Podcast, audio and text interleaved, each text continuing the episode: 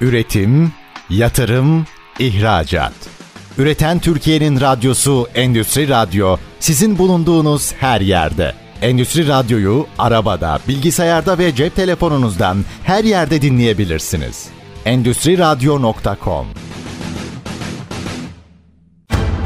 Çetin Ünsal'ın hazırlayıp sunduğu Reel Piyasalar programı başlıyor.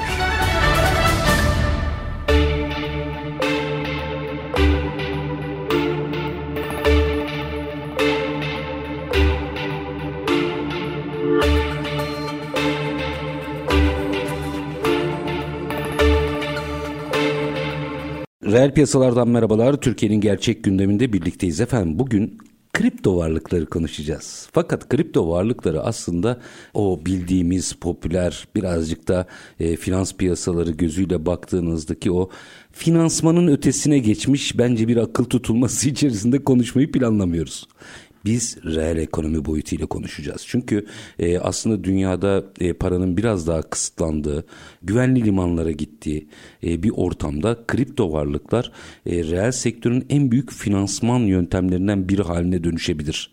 Çünkü bunun örnekleri var. E, bu konuyla ilgili proje finansmanları gündeme gelebilir. Bütün bu metodolojiyi nasıl çalıştırabiliriz? Sistem nasıl çalışabiliyor? Bütün bunları konuşacağız. Hatta bunu belki de şu anda e, bizler bizim tanıdığımız canımız ciğerimiz ama ve lakin dünya e, ölçeğinde baktığımızda tanınmamakla ilgili bir sıkıntısı olan Kuzey Kıbrıs Türk Cumhuriyeti üzerindeki örnekle bile kriptonun kripto varlıkların doğru kurgulanırsa nasıl reel sektörle entegre edilebileceğini, yeni ekonominin ne kadar e, sınırlarının geniş olduğunu mercek altına alacağız. Bu örnekten de yola çıkacağız. Kıymetli bir konumuz var. Amerikalı Keşent Maur proje danışmanı Serdar Özerman bugün reel piyasaların konu. Üstadım hoş geldiniz. Hoş bulduk Çetin Bey. Şimdi e, geleceğim. Bence KKTC örneği başlı başına konuşmamız gereken Doğru. bir örnek. Çünkü yani orada oluyorsa her yerde olur Doğru. durumu var. E, ama oraya gelmeden önce biraz şu girizgahta kripto varlık meselesine e, değinelim. Yıllardır bunu anlatıyorsunuz aslında ve siz proje finansmanı anlatıyorsunuz Doğru. yıllardır. Hala gelip bitiyor versene diyenler oluyor. Olmaz olur mu? Tabii ki. Ne yapacağız bunu? Yani bu e, yavaş yavaş bence biraz daha e, birazdan bahsedeceğimiz örneklerle e, azalma yolunda ilerliyor. Ama daha çok fazla gitmemiz gereken yol var. Çünkü anlatıyoruz, anlatıyoruz, anlatıyoruz. Günün sonunda tamam bunu alalım mı almayalım mı? ya geliyor gene yani. O yani tarafta, ne diyorsun? Yani ne diyorsun? Burada bunun en büyük çözümü gerçekten e, finansal okuryazarlık. Projelerin altında, o tokenların, coinlerin altında yatan e, projeler neler? Onları iyi okumak lazım. Yapanlar kimler? Onları iyi değerlendirmek lazım. E, hep bir en basit örneğinden bahsettik. Bir e, oyun firması daha öncesinde çalışmış. Orada artık kendi oyununu yapabileceğini düşünen bir genç olabilir, bir yetişkin olabilir. Bununla ilgili bir finansman aradığında işte bunlar için doğru yerler vardı. Bunlar o dünya için belki küçük paralar, 1-2 milyon dolardan bahsediyoruz. Ama şu anda Türkiye için gerçekten e, hatırı sayılır seviyedeki tutarlar, ufak girişimler açısından baktığımızda. E, bunu çok çok daha büyük ölçekte yapabilme e, potansiyelleri de mevcut. İnşaat sektörü olsun, sağlık sektörü olsun, tarım sektörü olsun ki bugün bahsetmek istediğimiz konu biraz daha inşaat sektörüyle hmm. alakalı. Hem birçok kısıtı aslında özgürleştiren ve de, gerçek anlamda demokrat, dem, demokratikleştiren bir süreç.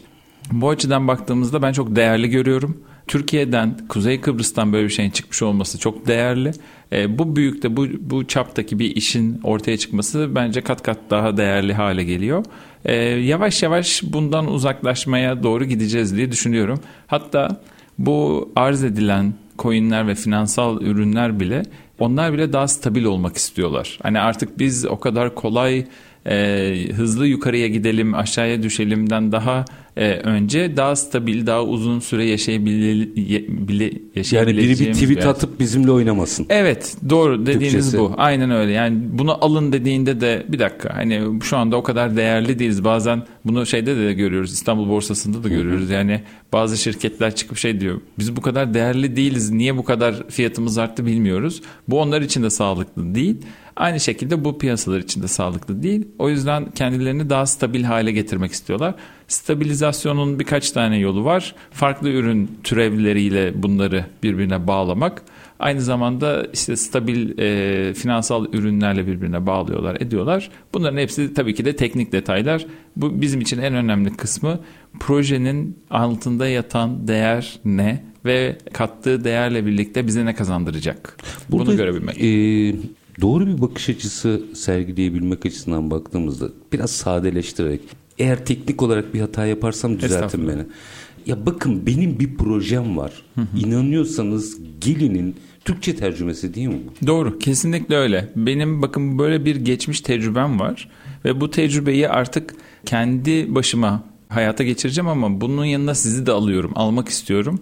Bana destek verirseniz birlikte kazanabiliriz. Tam aslında bu dünyada en e, sağlıklı gelişim noktalarından bir tanesi ekonomik anlamda baktığımızda. Niye? Hani belirli zaten finansal güç odaklarının daha da büyümesini e, engelleyip daha küçük yatırımcıların birlikte hareket edebildiği ve bir güven ortamında oluşturulduğu bir nokta. İdeal olarak baktığımızda tabii ki de bunu suistimal edenler var. Yani burası pürüpak bir alan değil. O yüzden diyoruz zaten bu. O yüzden regülasyonlar önemli Doğru. zaten. Aynen. Onlar da gelmeye çalışıyor zaten. Aynen öyle. Falan. İnşallah onlar da geldiğinde iş biraz daha sağlıklı hale de gelecek. Ama şu anda yatsınamaz bir boyutta. Ee, bunu doğru okumak, doğru projelere yatırım yapmak Kimi şeyler var, arkadaşlarım var benim de hani bu tür konulara çok kafa yoruyorlar. Mesela 2-3 sene evvelinden şu proje gerçekten çok iyi olacak ama vakti var. Yani bugün hani yatırım yaptığınızda bunun geri dönüşü 3 sene ama hani çok çarpanla alırsınız. Çünkü bu taraftaki yapı ilerliyor, iyi ilerliyor. Sabrımız olmadığı için giremediğimiz, işte beklemediğimiz projeler bunlar. Sonrasında şu anda işte çok mutlu şekilde hareket eden kişiler var. Tabii ki de bunların artıları, eksileri oluyor hani bir müneccim gibi bilmek imkansız ama potansiyeli görebiliyorsunuz. Projenin başında kim var bilebiliyorsunuz. Bunlar tabii ki de önemli noktalar. Bütün mesele aslında galiba oradaki e, firmayı veya oradaki background'u iyi koyabilmek. Doğru ki gelecek adına bir öngörü versin. Şimdi bu açıdan baktığımızda özellikle ben reel sektörün sağlıklı bir biçimde buradan proje finansmanı sağlayabilmesinin ve hatta iyi projelerin hayata geçmesinin yolunun açılabileceğini düşünüyorum. Doğru. Geçtiğimiz günlerde sizin de medyaya yansıyan bir haberiniz olunca zaten bunları sizle çok sık konuşuyoruz. Aynen. Reel sektör, kripto e, ve finansman üçgenini enteresan geldi. Çünkü birincisi inşaat sektörüydü. Çok geleneksel bir sektör. Doğru. İkincisi Kuzey Kıbrıs Türk Cumhuriyeti'ydi. Tasvip etmesem de günün sonunda izolasyon altında bir ülke. Doğru. İktisadi iz- izolasyonu var. Buna rağmen oradaki yapılanma hem reel sektör hem doğru tabirini bilmiyorum ama yasakların aşılabilmesi anlamında enteresan bir örnekti. Doğru. Şimdi e, hani markasına şuna buna girmeden ama bu Hı. örneği biraz açarsanız bize bence kim geleneksel sektörde bu işten nasıl yararlanır çok fikir edinecek. Biraz açın olur. Tabii ki. E, hikaye aslında şöyle başlıyor. Bundan birkaç sene önce Forbes dergisinde e, dünyada yatırım yapılabilecek e, önemli destinasyonlar, beachfront denilen böyle sahil kenarı olan destinasyonlardan 5 tanesinden biri olarak Kuzey Kıbrıs'taki İskele bölgesi gösteriliyor. Ve zaten bu hani birçok yatırımcının beklediği sinyallerden biri aslına bakarsanız inanılmaz derecede bir e, talep oluyor. Tabii ki de Kuzey Kıbrıs bundan memnun ve e, buraya gelen yatırımdan da memnun ama operasyonel anlamda ciddi sıkıntılar da çıkartıyor. Çünkü tapu alma, tapu verme, daha önceki mübadele döneminden kalan bazı açmazlar, açmazlar var. var. Onların çözümlenmesi ve diğer konularla ilgili sıkıntılar var. Bir de ürküyorlar da. Tabii aynen öyle. Şimdi bunun arkasında hani geldiniz aldınız ama Hı-hı. yarın öbür gün buradaki süreç nasıl olacak? Bunlar hani bir e, garantöre bir şeye dayalı mı değil mi? Bir şirkete dayalı mı değil mi gibi çok fazla soru işareti var. Haliyle bunun üzerine de ve yurt dışından mesela bir işte Amerikalı diyelim, İngiliz diyelim, uzak doğudan bir kişi buradan bu e, alma satma süreçlerine girdiğinde inanılmaz derecede e, süreç uzayabiliyor ve sıkıntılı hale geliyor. Bazen geç kalabiliyorsunuz hatta alamıyorsunuz. Ya da vazgeçiyorlar. Ya da vazgeçiyorsunuz. Bir de oradaki bu talepte gördüğünden ötürü süreç haliyle e, daha hızlı bir şekilde daha fazla üretim de gerçekleştirilebilir. Yani daha fazla inşaat yapılabilir. E, sağlıklı bir şekilde bunun organizasyonu da gerçekleştirilebilir ama tabii ki de nakit ihtiyacı da doğuyor bu noktada. Bu noktada e, benim de danışmanlığını yapmış olduğum süreç içerisinde şöyle bir proje geliştiriliyor. Bu bölgelerden bir tanesinde e, bir otel yapımı gerçekleşsin. Bu otel yapımından sonra yapım sürecinde aslında tüm ihtiyaçlar ve haklar kripto varlıklara endekslensin. Asset back deniliyor buna. E, bu aslında burada almış olduğu sanki bir hisse gibi o ürüne backed hale getiriliyor. Ona yaslanıyor gibi düşünebilirsiniz. Bu yaslandıktan sonra ürünün e, değeri daha sonrasında aslında yurt dışındaki herhangi bir kişinin veya diğer adıyla tokenize etmek e, bu tokenları aldığı durumda aslında otele bir yerde ortak oluyor ve siz onun white paper'ında izahnamesinde buraya ortak olanlara nasıl faydalar sağlayacağını önden belirtiyorsunuz. Hem utility anlamında yani burada bir e, değer anlamında şunu yapabiliyor. İşte o otelde gelip kalabilir, yılda bir gün kalabilir. İşte bir sene tutanlar bu token'ı işte şu kadar süreyle kalabilir gibi şeyler varken aynı zamanda siz bu otelin karının örnek veriyorum her sene yüzde yirmisine ortak oluyorsunuz. Yüzde yirmisi kadarı tekrardan oradaki aracı şirket tarafından tokenlar satın alınıp yok edilerek temettü dağıtmaya benzeyen hmm. buna buy and burn deniliyor bu arada. Ee, böylece daha az token en başta arz edilenden daha az token olduğu için token değerleniyor. Ee, otomatikman değeri artmış oluyor. Böyle bir mekanizma ile birlikte her sene boyunca bu biraz daha yakılarak yakılarak yakılarak sizin aslında yapmış olduğunuz yatırım daha da değerleniyor. Daha da önemlisi zaten e, burada bu projeler karlı olmaya başladığında insanlar buna almaya teveccüh edince otomatikman token'ın değeri veya o coin'in değeri daha da artıyor. Özetle şöyle bir noktaya geliyor. Siz Kıbrıs'ta bir rezidans yarattınız, bir e, otel yarattınız, bir eviniz var, mülkünüz var, arsanız var. Bunu e, kripto haline getirip tokenize ettiğiniz durumda ve arz ederseniz belirli bir kısmını tüm dünyadaki e, bu sisteme ulaşabilen yani kripto varlıkla blockchain'e ulaşabilen insanlar buna yatırım yapabiliyorlar.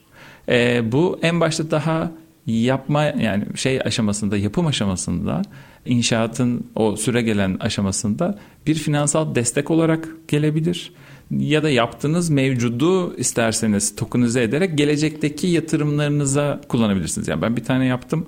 Şu anda bunu tokenize ediyorum. Bu binayı, bu oteli tokenize ediyorum. İkincisi için aslında yatırım yapıyorum. Ve Burada Buyurun. estağfurullah bunu açayım. Şimdi bir araya gideceğim çünkü bunu e, detaylandırmak gerekiyor.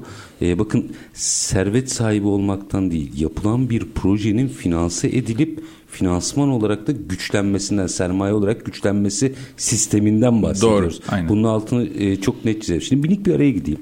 Aranın ardından e, şimdi şey belki bu örnek projeden de gideriz ama hı hı. sistem nasıl işliyor? Yani ben bir geleneksel reel sektör mensubuyum ve e, hadi inşaattan başladık inşaattan devam edelim. Böyle bir şey yapmaya kalktığımda hı hı. o sistematik nasıl işlemesi gerekiyor? Benim neyi ne kadar bilmem gerekiyor? Biraz burayı açmak isterim ama minik bir ara yapalım. Ha, Aranın ki. ardından detaylandıralım bunu. Efendim Miracle Cash and More proje danışmanı Serdar Özerman bizlerle birlikte minik bir ara aranın ardından aslında geleceğe yönelik çok büyük bir fırsatı konuşuyoruz. Reel sektör bazında bir fırsatı konuşuyoruz. Kısa bir ara lütfen bizden ayrılmayın. Üretim, yatırım, ihracat. Üreten Türkiye'nin radyosu Endüstri Radyo sizin bulunduğunuz her yerde. Endüstri Radyo'yu arabada, bilgisayarda ve cep telefonunuzdan her yerde dinleyebilirsiniz. Endüstri Radyo.com Kısa bir aranın ardından tekrar sizlerle birlikteyiz reel piyasalarda Miracle Cash More e, proje danışmanı Serdar Özerman'la aslında kripto varlıklarla reel sektörün bir araya gelmesini konuşuyoruz. Aldım sattım ben seni yendim hadi onu geçelim. O e, hep dediğimiz normal geleneksel yöntemde de zaten hani hedge fonlar şunlar bunlar üzerinden çok da tasvip edilen bir şey değil. Sonuçlarını 2008'de 2009'da gördük. Ama burası eğer doğru değerlendirebilirsek yepyeni bir finans alanı. Şimdi araya gitmeden önce sormuştum. E, farz edin ki ben böyle bir otel yatırımı yapacağım. Hı hı. Ve e, bu işi tokenlaştırmak istiyorum. Hı hı. Gidip kapı kapı e, finans kuruluşlarından e, proje için finansman arayacağıma hı hı. Yolu yordamı nedir? Biraz anlatabilir misiniz? Bunu aslında şöyle e, bence bu işin ehline bırakmak lazım. Özellikle gençlerin bu dönemde e, kriptoya olan teveccühü ve diğer konulardan ötürü aslında birkaç tane genç bir yere geldiğinde buradaki prosesleri de ilerletebilir ama karşılarına çıkabilecek daha sonrasında engellerden farkında olmayabilirler. Örnek veriyorum biz bir izahname hazırlanması tüm içtenliğiyle ve doğru şekilde yapılması gerektiği için en çok vakit alan, süre alan konulardan biridir. Aslında bunun da birkaç tane örneği var. Chat GPT'ye bile yazsanız size bir, birkaç tane örnek gösterir. Yine de burada bir uzmanlık gerekiyor ama. Kesinlikle. Çünkü hani o size en fazla verebileceği bir şablon. Ee, sizin e, ürününüzün detayları, e, mekaniği, dinamiğini e, bir yapay zekanın bilme ihtimali çok yok. E, bu konuyla ilgilenmemiş e, kişilerin de hani en fazla yapabileceği şey orada bunu e, birkaç tane örnekle açıklamak olur. Hı hı. Ama uzmanı yarın öbür gün yaşanabilecek olası negatif ihtimalleri de orada belirteceği için herkesi koruma noktasına gider.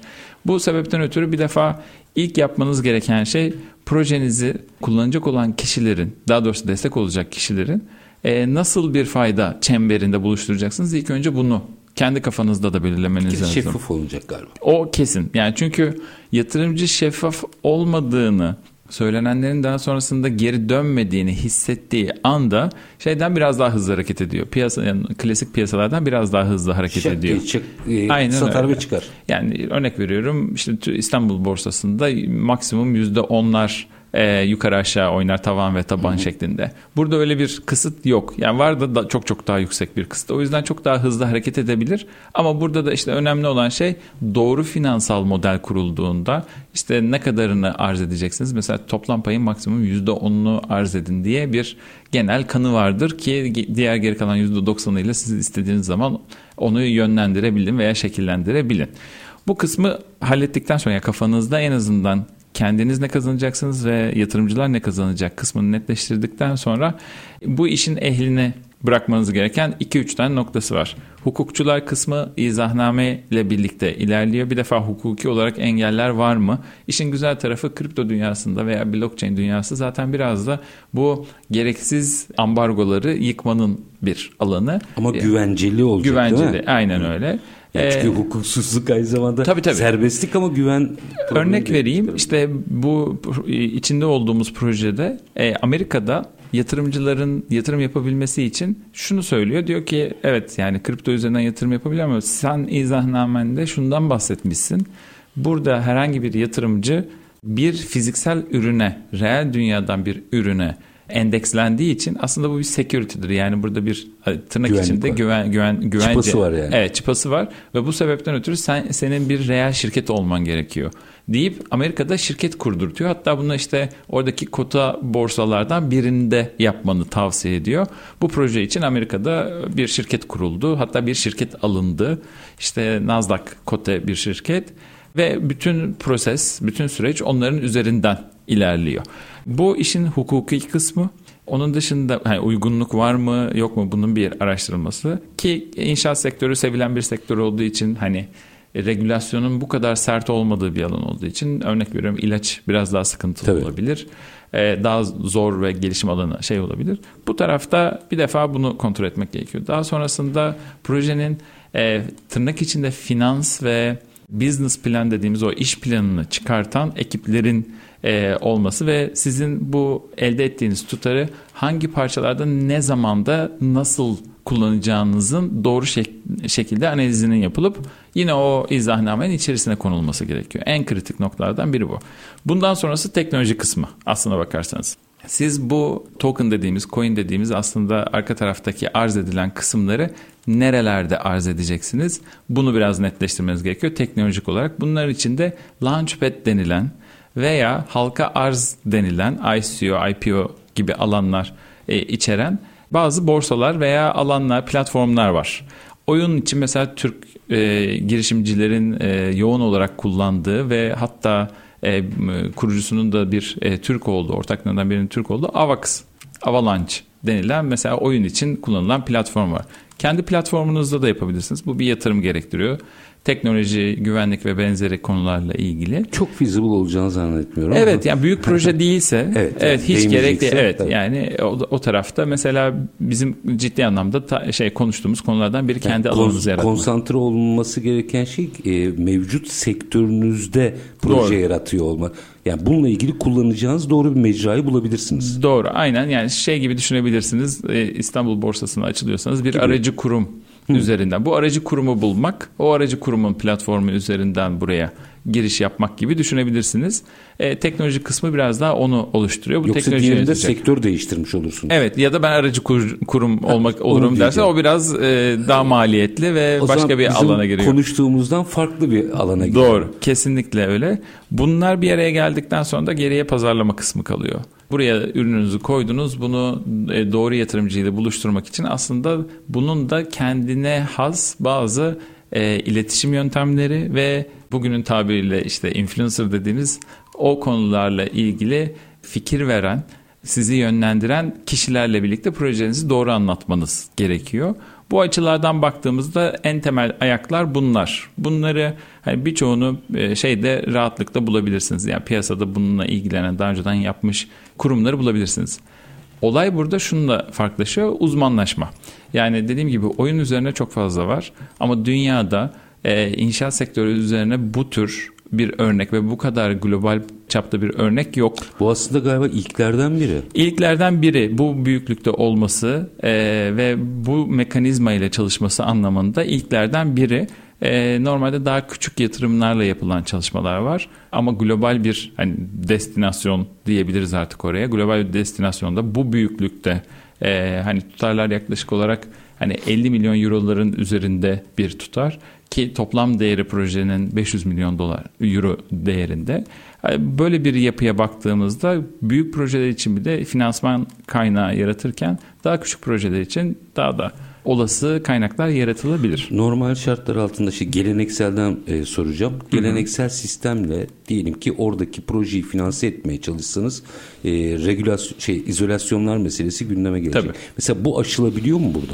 Haliyle açılabiliyor çünkü e, izolasyonları engelleyen yapılardan biraz daha arındırmış oluyorsunuz bu yapıyı. Çünkü dünyada işte kriptoya veya blockchain'e hemen hemen her ülke er- erişebiliyor.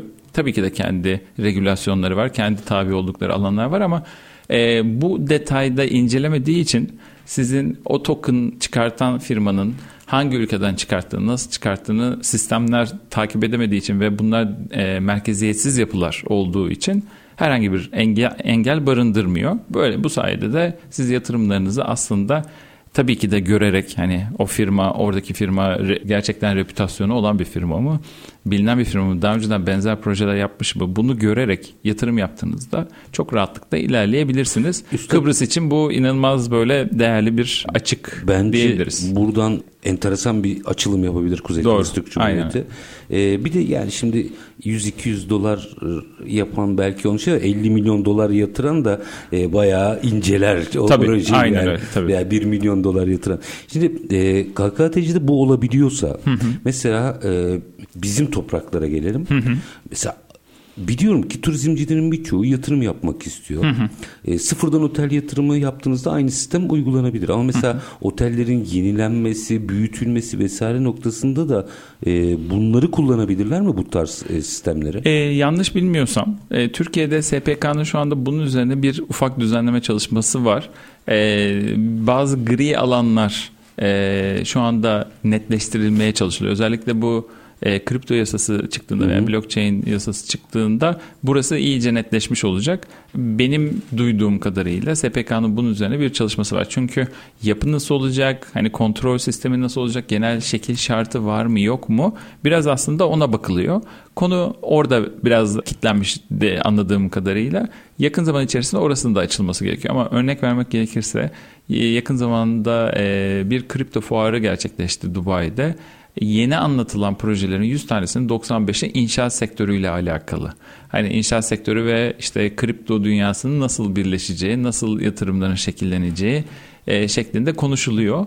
Burada da ciddi bir teveccüh var çünkü piyasa biraz daha böyle büyük oyuncuların veya büyük yatırımcıların diyelim büyük yatırımcı olmasa bile bireylerin yine elinde şu anda ciddi anlamda mevduat tutan yatırımcılardan bahsedersek e, biraz o piyasa artık daralmaya gitti. Daha çok elinde küçük yatırımcıların parası var. Bunları da evet değerlendirmek istiyor ama hani evet benim elimde 500 dolarım var.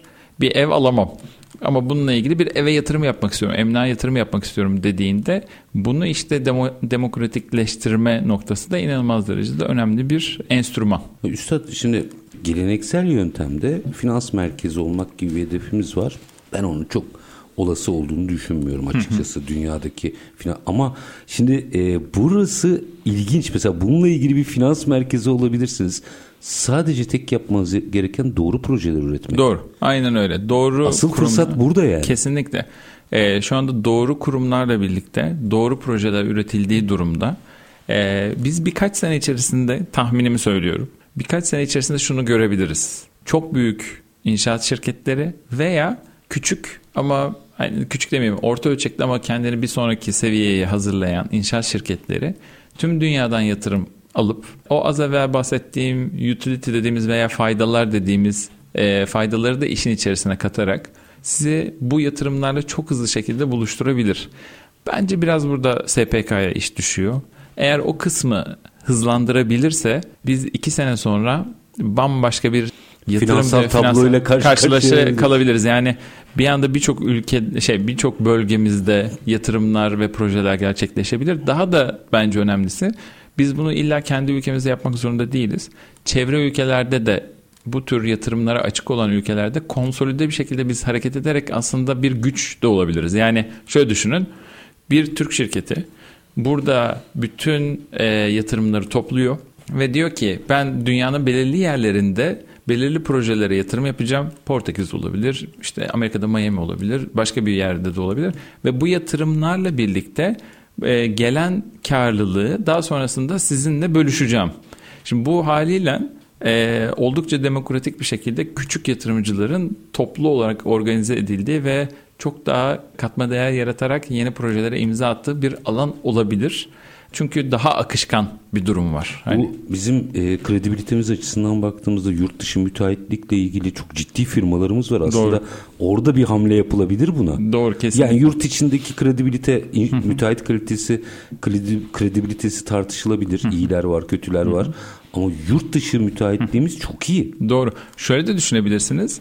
Ee, şu anda hani mevcuttaki şirketlerimizin bir kapasitesi var. Hı hı. Ee, aslında hani şeyi bekliyorlar. Hani yaptıkları yatırımın geri dönüşünü bekliyorlar. Hani 3 sene sonra 4 sene sonra gelecek olan bir yatırım var. Ama o dönem içerisinde yenilerini de yapabilirler. Zaten bakarsanız teknoloji anlamında da ee, hani şu anda neden Amerika ve diğer ülkelerde inanılmaz derecede teknoloji şirketleri ilerlemiş durumda? Şunu yapıyorlar.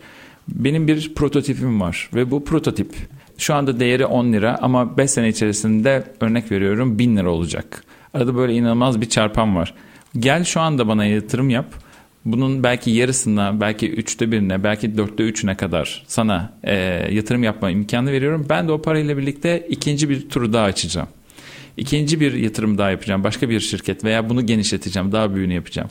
Geliyor ikinci şirketle de ilgili prototip çıktığında bakın bu da çıktı. Bunun bir türevi daha var diyerek aslında 10 sene sonra o dön e, en başta yapmış olduğu yatırımın geri dönüşünü alıp ardından ikinci projeye geçecekken yani 10. senenin sonunda geçecekken ikinci, üçüncü senenin sonunda üçüncü projesine geçmiş oluyor. Şimdi bu inanılmaz derecede ölçeklendirebilme anlamında önemli bir adım. Bizim şirketlerimizin bence en büyük sıkıntılarından biri e, ölçeklendirebilme ve ölçeklendiğinde de haliyle yönetme. Yani yönetmeyle de ilgili birazcık şeyimiz oluyor. Çünkü bugüne kadar çok kolay hızlı ölçeklendirmeyi yaşayabilmiş bir kurum kültürümüz yok. Ülke kültürümüz de yok. Biliyorsunuz aile şirketleri çok hızlı başlar ama belirli bir seviyeye geldikten sonra biraz böyle e, kurumsallaşma sancıları çekerler. Bu biraz bakarız noktasına gidebilecek bir iş değil. E, aynen. Yani bu sistemli Doğru. yol haritası belli olan bir iş. Doğru. Aynen öyle. Bunu işte o açıdan baktığımızda Ee, yani çok hızlı bir şekilde ölçeklendirebilme kapasitesi vermesi açısından ve bunu yurt dışına da taşıyabilme açısından bu mekanizma önemli bir mekanizma. Biz doğru kullanırsak yani geçmişte bunu örnek veriyorum teknoloji için birçok ülke doğru kullandı. Biz neden şimdi kuvvetli olduğumuz inşaat sektöründe bunu kullanmayalım? Üstad e, biraz e, aklımda siz anlattıkça e, deli sorular geliyor. Mesela tarımla ilgili de bence çok büyük bir potansiyel var. Tarımla Doğru. ilgili de enteresan işler yapabiliriz ama şimdi en kısa sürede geri döndürebileceğimiz inşaat gibi gözüküyor. Şu an için öyle görünüyor. E, ve bu sadece yurt içi değil. Doğru. E, yurt dışında da özellikle yurt dışı müteahhitlik firmalar açısından ben burada hep problemleri finansman çünkü. E, çok rahatlıkla aşabileceklerini düşünüyorum. Ne yapmamak lazımı soracağım. E, ama minik bir araya gidelim. Tamam. Aranın ardından konuşalım. Efendim e, konuşuyoruz ama bu aslında ekonominin yeni hali. Bunun altını çizeyim. E, detayları alacağım. Miracle Keşen Mor proje danışmanı Serdar Özerman bizlerle birlikte. Kısa bir ara lütfen bizden ayrılmayın. Üretim, yatırım, ihracat. Üreten Türkiye'nin radyosu Endüstri Radyo sizin bulunduğunuz her yerde. Endüstri Radyo'yu arabada, bilgisayarda ve cep telefonunuzdan her yerde dinleyebilirsiniz. Endüstri Radyo.com Kısa bir aranın ardından reel piyasalarda tekrar sizlerle birlikteyiz. Miracle Keşen Mor proje danışmanı Serdar Özerman bizlerle birlikte kripto varlıkları ve reel sektör proje ilişkisini konuşuyoruz. Şimdi e, aslında özellikle inşaat sektörü üzerinden bu konuyla ilgili hem yurt içinde hem de yurt dışında üretilecek projeler. Bu şey böyle 2000'li yıllardaki gibi böyle paradan para kazanma hayali peşinde koşanlar hiç bizi dinlemesin. Bizim kastettiğimiz başka bir şey. Reel sektörün ve projelerin finansmanından bahsediyoruz. Dünyada bundan bahsediyor Doğru. aslında. Yani diğeri yani evet 20. yüzyılın 21. yüzyılın başında öyle bir şey oldu ama bir daha olmaz. Ee, şimdi burada ne yapmamalı bir firma? Bir firma ne yapmamalı? Hızlı paranın peşinde koşmamalı. Yani en temeldeki nokta bu. Orada bunun üzerine gidildiğinde Aa, burada bir para var ben de bundan faydalanayım da projeye bakarız. derse çok hızlı bir şekilde reputasyonu e, sallanır. Onu söyleyebilirim. Hani zaten bu, bu, bu benzer bir şey yapabilmek için ilk gösterdiğiniz şey geçmişteki CV'niz. Yani o özgeçmişi göstermeniz. Sermaye güven galiba burada. Yani gerçekten kredibilite yani. Tabii geçmişi, yani background. kendi, kendi şirketinizi gösteriyorsunuz. Yani bir, şunu da yapabilirsiniz. İşte bu kadar ciro üreten bir şirketim demek var. Ama ben şu projeyi yaptım demek de var. Hani küçük küçük apartman yapmak yerine belki o büyüklükte bir tane gerçekten önemli bir proje yapmak, hayata geçirmek daha kritik noktada olabilir bu tür şeyler için. Çünkü imza işleri yapıyorsunuz. Burada önemli olan biraz daha o imza projelerde yer almış olmak veya onları hayata geçirmiş olmak. Genellikle büyük firmalardan ekipler ayrılarak know-how'larıyla birlikte gelip bu tür şeyleri yapıyorlar. Ama paralelde de finansmana ihtiyaç duydukları için dönüp e, burada yatırım, küçük yatırımcılardan bu desteği istiyorlar. En yap, birinci dereceden yapmamaları gereken şey bu. Yani e, burada bir para var deyip sadece paraya odaklanıp projenin içeriğini unutmamaları gerekiyor. Yani birincil amaç tabii ki günün sonunda herkes para kazanacak. da Tabii. Birincil amaç para kazanmak değil bir projeyi hayata geçirerek değer yaratmak olmalı. Doğru. Bunu zaten bir döngüyü en başta yaptığını gördüğünde ve bu döngünün döndüğünü gördüğü anda zaten ikincisinden üçüncüsünden daha çok kazanacaktır. Çünkü proje projeyi doğuracak o tarafta emin olabilirsiniz. Bizim başladığımız dönemde biz bir projeyi acaba hayata geçirebilir miyiz diye görüşürken şu anda dört proje üzerine konuşuyor ve daha da şeyi şimdi isim ve- veremiyorum ama e, Kıbrıs'ta çok bilinen hem inşaat şirketleri hem de aynı zamanda otel grupları gelip biz e, bu projenin içerisinde nasıl dahil olabiliriz diye kendi fikirleriyle birlikte önerilerle geliyorlar. Hmm, fikir zenginliği Şey- de oluşuyor. tabii. Evet yani şöyle bir durum olmadı. Yani biz böyle bir şey yapıyoruz. Siz de gelir misiniz gibi bir durum olmadı. Telefonumuz çaldı ve hani bize şunu anlatır mısınız? Biz de bunun içerisinde şöyle yer almak istiyoruz diye. Örnek veriyorum mevcuttaki otelin bir kısmının geliri işte biliyorsunuz oteller belirli e, gelir e, kalemleri var. Konaklama. E, onun dışında konferans kasino gibi alanlar var. Bunların gelirlerinin bir kısmını ben bu projenin içerisine dahil edip e, buradaki gelirimi 3 senelik 4 senelik gelirimi bu projenin içerisinde taahhüt ediyorum. Zaten iler- Fon mantığı aslında. Fon mantığı aynen öyle. Böylece e, bana eğer önümüzdeki 4-5 senenin bir şekilde fonunu getirebilirseniz ben de bu tarafta dönüp ikinci projeyi hayata geçirebilirim noktasında böyle bir yapıya gidiyor. E, dediğim gibi çünkü e, emlak sektörü her ne kadar hareketli bir sektör olsa da son dönemde global dengelerden ötürü de biraz yavaşlamış durumda. Kıbrıs o yavaşlamayı biraz daha geç hissetti. Ama bugünlerde onlar da hissediyor. Haliyle bu bir açılım noktasına gelecektir. Önemli olan doğru projeyi o tarafta hayata geçirmek. Birinciyi geçirdiğinizde bu mekanizma ile birlikte ikinci, üçüncü kendiliğinden gelecektir. Şimdi e, SPK'nın çalıştığını biliyoruz. Ders çalışıyor. Duyuyoruz diyelim. yani, yani bu konuyla ilgili istim üzerinde bir şekilde yani dünyada da herkes çözmeye çalışıyor çünkü yani onlara da haksızlık etmeyelim. Herkes bu işin nasıl formüle edileceğini çözmeye çalışıyor. Neyi yaparsa biz yurt içinde de hızlanırız. Yani şunu yaparsa şimdi biliyorsunuz geçmişte e, teknolojiyle ilgili olan bir trend vardı. Çok fazla bu benzer mekanizma ile birlikte yani nedir? Bir teknoloji girişimi en başta diyor ki benim bir e, şirketim var, bir projem var, bir fikrim var. Bun, bugünkü değeri 10 lira. Gelecekte ama 10 yıl içerisinde belki 1000 lira olacak. Benim projeme inanın. Benim projeme inanın ve gelin şimdiden bunun bir kısmını ben size fonlamanız için önden fırsat veriyorum diyordu aslına bakarsanız bir yerde. Ve erkenden fonlanan ki şu anda ülkemizde de çıkıp dekakorn olmuş projeler var Startuplardan böyle. bahsediyoruz. Startuplardan bahsediyoruz. Şimdi bu trendi biz kaçırdık. Ne yapıyorlardı orada?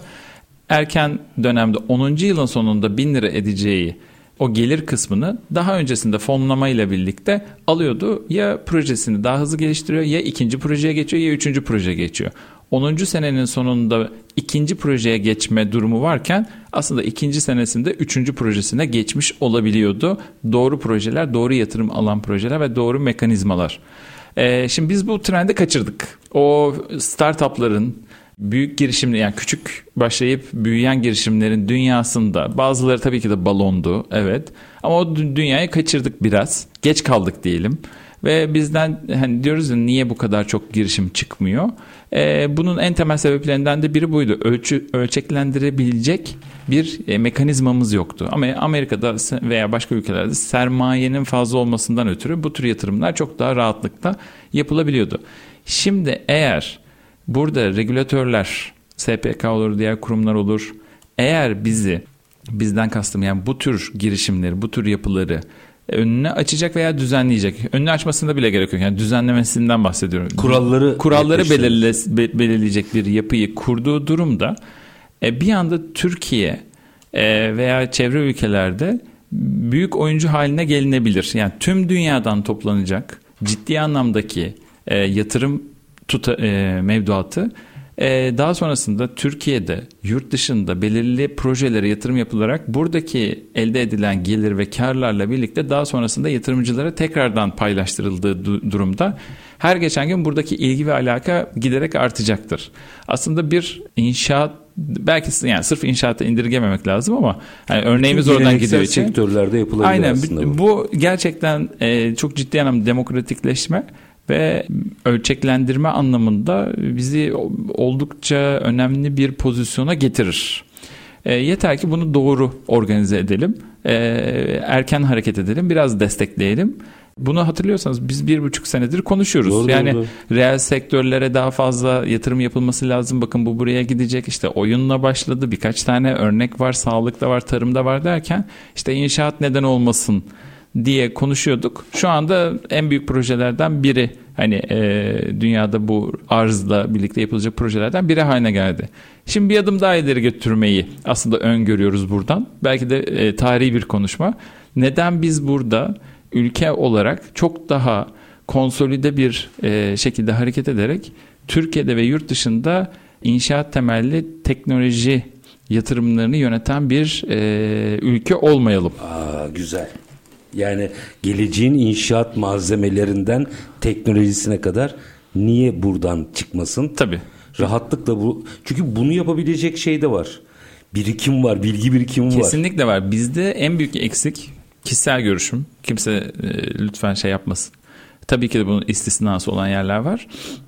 Ama bizim genellikle e, orta büyüklükteki olan kurumlarımızın ölçeklenme yani büyüme noktasında hızlı büyüme ile ilgili bir sermaye bulmakta ciddi sorunları var. İkincisi bulanın veya bir şekilde bu e, sermaye sağlayanın da kurumsallaşma ile ilgili ciddi problem var. Bunu yönetmekle ilgili problem var. Bu iki konuyu aslında hani kurum kültürü veya ülke kültürüyle birlikte o e, yönetme kısmını belki her zaman çözemeyeceğiz ama belirli regülasyonlarla birlikte belirli şekillere girebilir.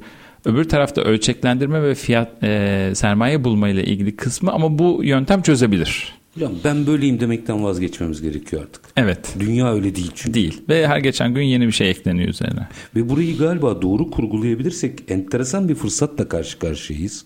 Ama galiba yine aynı yere geliyoruz. Reel sektör temelli bakmak gerekiyor meseleye. Hı hı, doğru. Yani e, şöyle diyelim biraz açalım diye soruyorum bunu. Şimdi işte gidiyoruz dünyada bize yatırım yapın. Ya sana niye yatırım yapıyor? Bizim projeleri koltuğumuzun altına alıp dünyaya çıkmamız gerekiyor galiba. Hı hı, doğru.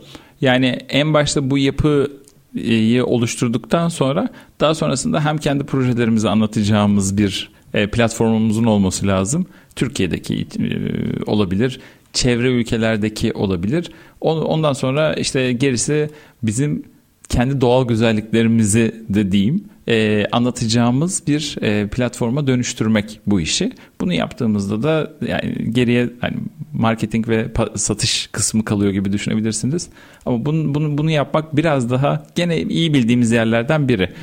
En şey noktasına geri döneceğim. Bizim ölçeklendirme ile ilgili ve kurum Yönetmek kültürü yönetmekle ilgili e, gelişim alanımız var. Şimdi o zaman e, bir noktayı daha açın ne olur.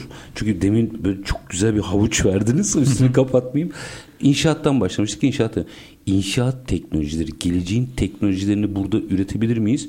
Bence üretiriz çünkü startuplar, teknokentlerde enteresan işler yapan genç genç firmalar var. Doğru benzer bir metodolojiyle aslında onların finanse edildiği ve büyüdüğü sistemler yaratmak çok mu zor? Ee, çok zor değil açıkçası. Zaten e, konu bir öncekine gene geliyor. E, Birçok genç bunun denemesini yapıyor. İşte her gün görüyoruz 3D ile birlikte üretilen evler diye. Evet. E, onun dışında e, Instagram'da belki denk geliyorsunuzdur. Sürekli bu tiny house üreten firmalarımız var. Bir anda Hı-hı. çok hızlı bir şekilde e, yaptı ve e, ilerledi. Karavanlar var biliyorsunuz. Bunlar aslında hepsi baktığınızda kendi teknolojilerini, know-how'larını üreten küçük girişimler. Bunları belki bu bir İsveç mobilya firması var ya hani böyle Hı-hı. her şeyi modüler yapıyor. E, biz aslında şu anda manuel üretiyoruz. Ama bu seviyeye getirmek de mümkün. Ki buradan o zaman üretip satmak daha mümkün olacak. Bir adım daha ileri gidelim. Biz bunun know-how'ını bilirsek aslında illa burada üretmeye de gerek yok. Dünyanın her yerinde ürettirip satıp biz aslında oradan direkt hani know-how'ın karşılığında gelir ve kar da elde patent, edebiliriz. Patent parasıyla bile geçinebiliriz. Aynen öyle. Yani burada önemli olan o büyüme olduğunda daha şöyle bir noktaya gidiyor biliyorsunuz. Eğer sektör büyürse onun destekleyicisi olan küçük unsurları da besleme e, iştahı daha da artıyor. Bir, kendisine daha pratik bir e, tedarik zinciri oluşturmak anlamında. İki, yarına, yarına e, destek olması anlamında önemli. Yani ben sadece mevcut kanallarla bir e, tedarik zinciri kurmayayım, alternatiflere de bakayım. Buradan da bir gelir elde edebilirim ve veya fayda sağlayabilirim dediğimiz noktada bu bizi de e, destekleyecektir. Şu anda genellikle nereden çıkıyor bu teknolojiler? Hani baktığımızda Japonya'dan çok çıkıyor. Niye? Dar alan, e, çok fazla depremle ilgili sıkıntı var. O yüzden teknolojiyi iyi kullanarak dar alanda çok fazla verimliliği e, verimlilik elde etmeleri gerekiyor. Bu tür e, çalışmaları bu bölgede de aslında kendimiz için de kullanabiliriz. Ayrı bir hani soruna da çözüm sağlayabilir bu. Ama geçtim yani ticari olarak da e, ciddi potansiyeli olan bir konu. Ayrıca fabrikasyon üretimlerle ve bu teknoloji ve finansman yöntemini kullanarak hı hı. çok kısa sürede biz deprem güvenli binalar bile yaratabiliriz. Tabii ki de yani ilk oradaki gelecek olan şeyde kendimizden de başlayarak bunu ilerletmemiz e, oldukça mümkün. Geçen e, yanlış hatırlamıyorsam Çin'de yaklaşık olarak 18 saatte yanlış hatırlıyor olabilirim ama ya 18'e 28 saatte dev bir bina inşa edildi. Ben de gördüm onu. Ürkütücü ama. Evet yani Ürkütücü. bir anda orada dev bir bina ya dün geçer dün geçerken yoktu. Şu, bugün kocaman bir bina var ve tamamen da işte o teknolojileri kullanarak parçalar birleştirilerek resmen bir Lego çalışması gibi o tarafta bunu yapmışlar. Şey 20 bin kişilik mi ne köy kasaba gibi bir yer yani Bina, bir binadan doğru. bahsediyoruz. Aynen öyle. Ee, müthiş bir şey konuşmak lazım. Hı hı. Daha çok konuşmak lazım. Sağ olun. Bence bu Kuzey Kıbrıs Türk Cumhuriyeti'ndeki örnek çok iyiydi. Hı hı. Yani hem regülasyon regülasyon demeyeyim. İzolasyonların hı hı. aşılması yani hı hı. bir takım yasakların nasıl aşılabileceğine dair önemli hı hı. gösterge. Hem çok kısa sürede projelerin nasıl finanse edilebileceğine ilişkin önemli bir gösterge. Onun üzerinden çıktık. Hı hı. Galiba biraz daha fazla konuşmamız gerekiyor. Katılıyorum. Ee, hocam kaç olacak demeyi bırakıp bir dakika buradaki finansman yöntemiyle biz ne yapabiliriz dememiz gereken bir sürece girdik. Doğru. Yatırım kültürünü son, öğrenmemiz gerekiyor. Son bir değerlendirme alayım öyle veda edeyim birkaç ee, dakika. Yani bence e, bu son yaklaşık bir buçuk iki seneden beri konuştuğumuz konuların bir toparlaması gibi oldu bu bölüm. Adım adım ee, anlatıyordunuz aslında. Aynen öyle. Yani bu sektörde böyle olabilir, bu sektörde böyle olabilir. İşte e, blockchain dünyaya böyle bir e, avantaj sağlayabilir diye diye aslında geldiğimiz noktada e, toparlayan bir bölüm oldu. E, ve ilerisi için de böyle bir öngörü yaptığımız hale geldi. Ümit ediyorum ki bir iki sene sonra da o e, ülkeyi orada gördüğümüz, o bahsettiğimiz noktada gördüğümüz ve biraz daha bizim rol çalan değil aslında yöneten, yönetmen koltuğunda olduğumuz bir hale getirebiliriz bunu. Belirli sektörlerde bunu zaten güçlüyüz. Ümit ediyorum ki oraya doğru gelebilir diye düşünüyorum. Bu proje örnek bir proje ama hızlı bir şekilde büyüyebilir proje. Ümit ederim birçok kuruma da örnek olur ve hani bu konularda da destek olmak isteriz açıkçası. Süreç içerisinde zaman zaman e, böyle kırılmalarda görüşlerinizi almak tabii isterim. Ki, tabii Çünkü birçok firmaya da sektöre de ilham vereceğini Hı-hı. düşünüyorum. Türkiye'nin buradan başka da çok çıkışı olduğu hı hı. kanaatinde değilim. Hazır yeni bir ekonomi, hı. yeni bir finans sistemi varken bizim reel sektörümüzü buradan çıkış yapar hale getirmemiz gerekiyor. Ama birbirimizi coşkulamadan, gerçek olmayan hayaller kurmadan, proje bazlı ve nitelikli yönetim yani o firmaların da nitelikli yönetilmesi Doğru. kaygısı e, kaydıyla bu işleri yapabiliriz. Biz bugün bunun bir örneğini aslında en olmaz denilebilecek yerde işte hayata geçerken görüyoruz. E, bizim için olmaz değil ama dünya geneline baktığımızda izolasyonlar nedeniyle paranın hareketi açısından sıkıntı olan bir yerde açılabiliyor. Biz detayları Miracle Cash More proje danışmanı Serdar Özerman'la konuştuk. Efendim çok teşekkür ederim. Ben teşekkür ederim. Çok sağ olun davet ettiğiniz için. Estağfurullah var olunuz aktardığınız bilgiler için. Efendim bir de kripto gerçeğini böyle dinleyin. İşte kripto varlık. Asıl konuşmamız gereken meseleler bunlar. Yoksa aldım verdim ben seni yendim. Bu iş 2000'li yıllarda başladı. 2008'de e, türev piyasaları üzerinden nasıl patladığını biliyoruz. Bütün dünya patladı. Hayır reel sektör odaklı, proje odaklı, değer yaratmak odaklı. E, eğer yeni finans sistemini doğru kurgulayabilirsek çok büyük bir e, özellikle geleneksel sektörlerimiz açısından çok büyük bir fırsatın eşiğindeyiz. Umarım kaçırmayız efendim. Biz her zamanki gibi bitirelim. Şartlar ne olursa olsun paranızı ticarete, üretime yatırmaktan, işinizi layıkıyla yapmaktan ama en önemlisi vatandaş olup hakkınızı aramaktan vazgeçmeyin. Hoşçakalın efendim.